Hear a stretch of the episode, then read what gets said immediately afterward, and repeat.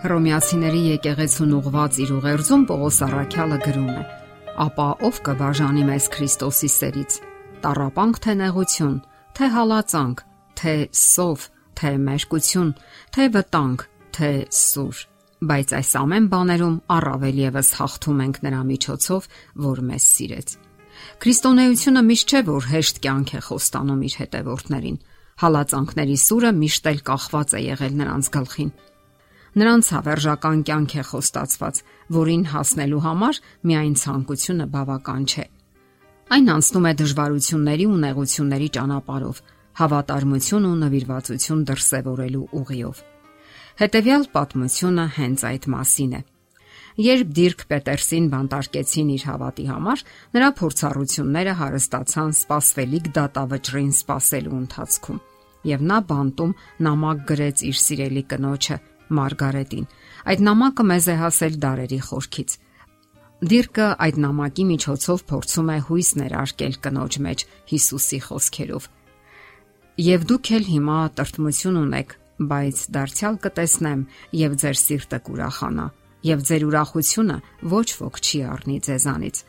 Այս ձևով է դիրկը օգնում կնոջը կենտրոնացնելու ուշադրությունը իրենց վերամիավորման վրա որը տեղի կունենա Հիսուսի երկրորդ գալստյան ժամանակ։ Նամակում նա գրում է. Խնդրում եմ քեզ, թանկագինս, հավատա անկեղծ սրտով, լիակատար հավատով, Աստծո ձեռքն եմ հանձնում քեզ։ Դիրքը հավատի աչքերով էր նայում գալիք Փարքին։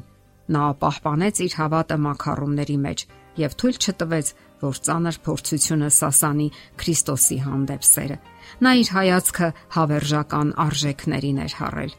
բանտախուցը չէր կարող ընդդիմանալ հավատի աչքերին։ Նրա սրտում աստվածային սերն էր ոցավառվում։ Երբ մարդու կյանքը մոտենում է ավարտին, նրա միակույսը մնում է հավերժական կյանքի մասին Հիսուս Քրիստոսի խոստումները։ Իսկ ուրիշ ինչը կարող է մխիթարել մարդուն, երբ մահն է շնչում նրա երեսին։ Ահա թե ինչը կարող է հիմնովին փոխել մարդուն եւ նրա արժեքները։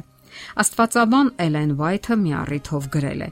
հարատև ու հաստատուն չի կարող լինել այն երջանկությունը, որին ձգտում են շահադիտական մղումներից։ Այն արագ է անցնում, իսկ դրան մղվող մարդը մնում է միայնության ու վշտի մեջ։ Աստծո ծառայությունը ուրախություն ու բավականություն է պատճառում։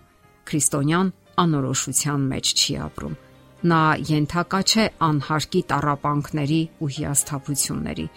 Եթե նույնիսկ մենք չենք վայելում այս կյանքի բավականությունները, կարող ենք ուրախություն զգալ գալիք կյանքի սպասումների մեջ։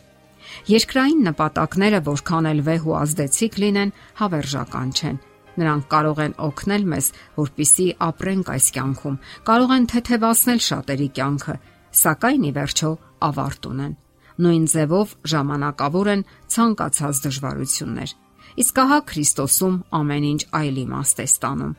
Նա ուժ է տալիս ապրելու վերափոխված կյանքով, հոգևոր հավերժական արժեքներով։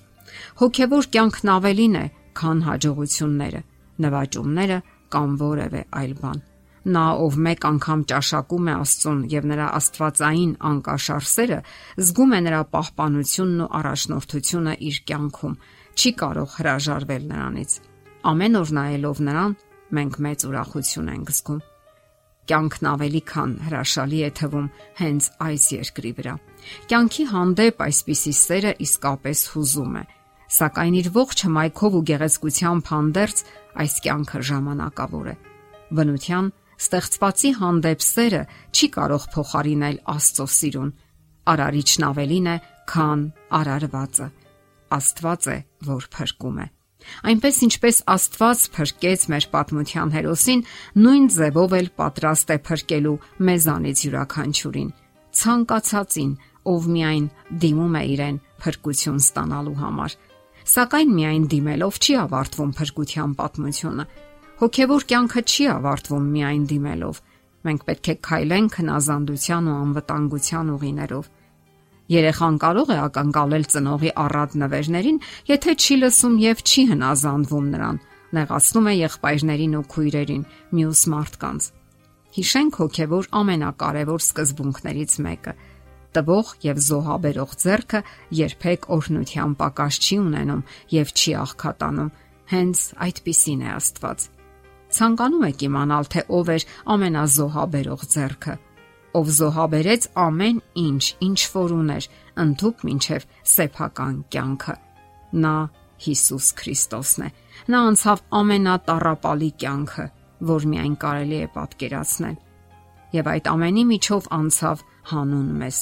Զոհաբերեց իր կյանքը հանուն մեզ։ Երկնային արքան զոհաբերեց իր արքայական կյանքը հանուն մեղավոր ու անկած մարդկության։ Նա զոհաբերեց ու աղքատացավ, որ մենք փրկվենք ու հարստանանք,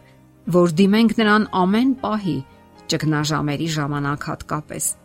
Մենք անցնում ենք մեր երկնային ուղին ցավերի ու տարապանքների միջով, սակայն ուրախ ենք Հիսուսի շնորհիվ։ Ապացույցներ եք ցանկանում։ Այն գրված է Մատթեոս 11 գլխի 28-29 համարներում։ Ինձ մոտ եկեք բոլոր վաստակասներ ու բեռնավորվածներ եւ ես հանգիստ կտամ ձեզ։ Ձեզ վրա առեք իմ լուծը եւ ինձանից սովորեք, որովհետեւ ես հեզ եմ եւ սրտով խոնար եւ ձեր անձերի համար հանգստություն կգտնեք, որովհետեւ իմ լուծը քաղցր է եւ իմ բեռը թեթև։ Մի վհատվեք, երբ գալիս է փորձության ժամը։ Քրիստոսին հանձնեք ձեր դժվարությունները, ձեր հոգսերն ու կյանքի բեռը։ Նա գիտի ինչպես հաղթահարել դրանք, որովհետև անցել է այդ ուղիով։ Ահա թե ինչու ձեր սրտերը թող հույսով լցվեն։ Աստված հավերժական կյանք է պատրաստել եւ այն կարող է իրականություն դառնալ ձեզ համար։ Ապրեք այդ հույսով եւ երբեք չեք զղջա, որովհետեւ Աստված երբեք հուսախապ չի անում։ Եթերում ղողանջ հավերժության հաղորդաշարներ։ Ձեզ հետ է Գեղեցիկ Մարտիրոսյանը։ Հարցերի եւ առաջարկությունների համար զանգահարել 033 87 87 87 հեռախոսահամարով։